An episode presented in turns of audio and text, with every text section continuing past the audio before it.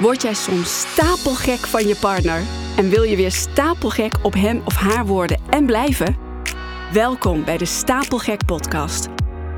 Ik voel me onthutst en aangedaan en boos. En ja, ik wil bijna, ik wil zeggen, als er nog iets van liefde is, vraag jezelf dan af, wat zou liefde doen? Wat doet liefde? Voor angst of Mijn naam is Sharon Overweg en ik ben relatietherapeut voor topondernemers en hun liefdespartner. In deze podcast ga ik met je hebben over het mooiste, maar misschien wel het moeilijkste en het meest gecompliceerde dat er bestaat. Jawel, de liefde. Ja, als ik deze aflevering opneem, is het 12 oktober, s'avonds, donderdagavond. En ehm, ik, ik zei gisteren tegen Sander, mijn podcast-editor, ik zeg Sander, deze week zal er geen aflevering zijn, want ik heb geprobeerd twee afleveringen op te nemen, maar die waren zo depressief, die ga ik echt niet, uh, niet live zetten. Ik ben namelijk enorm geraakt, enorm aangedaan door het nieuws uit Israël, door de aanslagen, de brute moordpartijen, de, nou ja, afgelopen zaterdag 7 oktober. Het nieuws laat me niet los. Ik, uh, ik ben een soort van nieuwsjunk geworden. Dat ken ik helemaal niet van mezelf. Ik kijk eigenlijk heel weinig nieuws, nog maar. Uh, maar ik, ik volg, ik, ik lijk wel, wat ik zeg, een nieuwsjunk. Ik, ik kijk de NOS, ik kijk naar Al Jazeera, ik kijk naar i24, nieuwszender uit Israël. Ik kijk naar de CNN, op de socials, Instagram, Facebook, um, Twitter, of hoe heet het, X. Nou, daar was ik al jaren niet op, al jaren niet. En ik, nou ja, ik, het is, het, kan er gewoon nauwelijks mee stoppen. En ik moet mezelf, ik moet mezelf tot de orde roepen, want dit heeft helemaal geen zin. Het slaat ook nergens op. Maar uh, het helpt ook niks. Maar het raakt zo ja, en het, het, het heeft, maakt zoveel indruk op me. En als je nu afvraagt waarom is dat? Ja, ik ga toch maar even delen wat er in mij is. Want Sander zei ook van Sharon, deel wel een aflevering. Dit is ook wie jij bent. Dit is ook. En toen dacht ik, ja, dat is ook zo. De podcast is ook bedoeld voor jullie, voor jou als luisteraar, om mij beter te leren kennen. Om, om te weten waar ik voor sta, wat mijn visie is, maar ook wie ik ben. En ik heb ook even getwijfeld, ga ik het, ga ik het delen? Maar ik ga, toch, ik ga toch allemaal delen wat er, wat er in mij is. Hoe ik me voel. Alhoewel, ik kan er heel moeilijk woorden aan geven, maar ik ga een poging doen. Uh, waarom raakt dit nieuws mij zo ontzettend? Nou, ik ben Joods. Um, niet gelovig, niet beleidend. Maar ja, Jodendom is niet alleen een geloof. Het is veel meer dan dat. En wat dat is, dat voel ik nu ook heel erg. En... Um, ja, wat er door me heen gaat. Ik ga proberen er woorden aan te geven. Ik, ik um, ja, het is. Het raakt me zo enorm omdat dit me rechtstreeks treft in de kern van mijn Joodse ziel. Ook al ben ik niet gelovig. Misschien ben ik geloviger dan ik denk, maar ik bedoel, wij zijn geen religieuze Joden. Um, maar het is zoveel wat er door me heen gaat. Het, is, het komt zo dichtbij.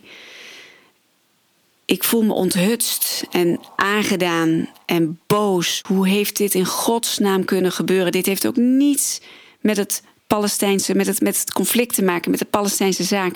Ik wil er ook nu, nu niet op ingaan, want dat heeft, dat, daar heeft het nu niks mee te maken. Ik voel me toch ook ergens wel onveilig en toch ook bang. Niet direct bang dat mij wat wordt aangedaan, maar wel bang voor wat er is gebeurd, maar ook wat er nog komen gaat. Zowel in Israël als in de rest van de wereld en als in Nederland. Bang voor die immense toename van antisemitisme wereldwijd. Jodenhaat is van alle tijden en is ook nooit weg geweest. Het is er altijd geweest. Het suddert altijd aan de oppervlakte. En zodra er iets in Israël gebeurt, laait het op.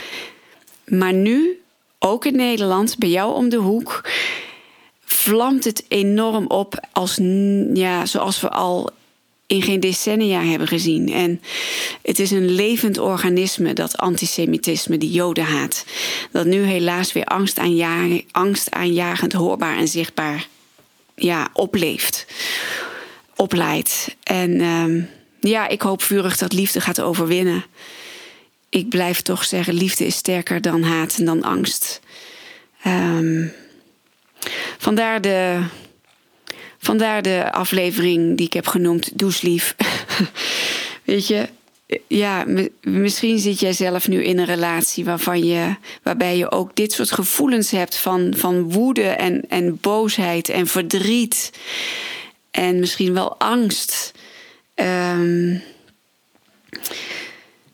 en ja, ik wil bijna, ik wil zeggen, als er nog iets van liefde is, vraag jezelf dan af: wat zou liefde doen?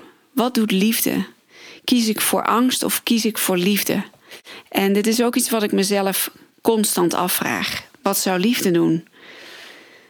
Want het is heel verleidelijk om heel boos te zijn en om heel uit, vanuit hoge emoties te reageren. Maar wat hebben we daar nou aan?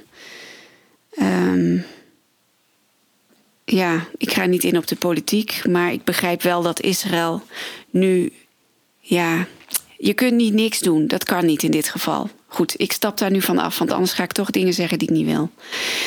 Maar stel dat jullie in een relatie zitten nu. Je zit in een relatie en het gaat niet goed. Er is iets ergs gebeurd. Je hebt het gevoel dat jou iets is aangedaan. Of jij hebt misschien je partner iets, iets aangedaan. Jullie zijn op een punt bereikt dat je denkt: hoe zijn we hier terechtgekomen? Dan wil ik je toch een opdracht meegeven. Het is een oefening. Het heet de partnercompassieoefening. Die jou wat meer rust gaat geven, maar ook die jou wat meer ja, hopelijk begrip gaat geven voor je partner. Want jouw partner is ook niet gelukkig in deze situatie. En deze oefening die ik nu zo meteen ga vertellen, die kun je overal doen. Je kunt het doen tijdens de afwas, of terwijl je op kantoor zit aan het werk, of terwijl je samen op de bank zit. Je kunt het onopgemerkt doen, of elkaar bewust aankijkend. Ik doe dit ook met stellen. Ik zet ze tegenover elkaar met hun knieën tegen elkaar. Ik laat ze elkaar één minuut in stilte aankijken. Dat vinden heel veel mensen heel moeilijk. Heb je dat wel eens gedaan? Heb je je partner wel eens een minuut of nog langer in stilte heel diep doordringend aangekeken? Doe dat maar eens. Moet je eens voelen wat er gebeurt. Moet je eens, moet je eens opmerken wat er gebeurt. Het is heel bijzonder. Als je door dat ongemak gaat, wat er dan gebeurt, is heel bijzonder. Goed, ik ga zeven zinnen voorlezen. Voor het woord partner kun je ook man, vrouw, vriend, vriendin of moeder of deze mens zeggen of land. Maar ik gebruik het woord partner. Komt-ie. Richt al je aandacht op je partner en herhaal bij jezelf in stilte of hardop. Net als ik is mijn partner op zoek naar geluk in zijn of haar leven. Net als ik probeert mijn partner zijn in zijn of haar leven pijn te vermijden. Net als ik kent mijn partner gevoelens van irritatie, verdriet en onzekerheid. En net als ik probeert mijn partner zijn of haar behoeften te vervullen. Net als ik heeft mijn partner het recht om fouten te maken en te groeien. En net als ik ligt mijn partner over het leven. En tenslotte, net als ik, heeft mijn partner zijn of haar ontwikkelpunten en mag hij of zij volledig mens zijn. Ja, zitten jullie in een situatie waarin je, waarin je nog bereid bent om naar elkaar te luisteren? Wat nu op dit moment in Israël helaas niet mogelijk is. Um, maar zijn jullie wel bereid om nog naar elkaar te luisteren? Is de liefde nog heel dichtbij? Echter verstopt onder een hele dikke laag stof, maar is het er nog? Smult er nog iets van een vuurtje? Iets. Want dan kunnen we het nog oppoken. Stuur me dan een bericht. Stuur me een bericht. Jullie zijn zo ontzettend welkom. Laten we in contact komen met elkaar en um, kennis maken. Ik wens jullie voor nu heel veel liefde en wijsheid en kracht en licht.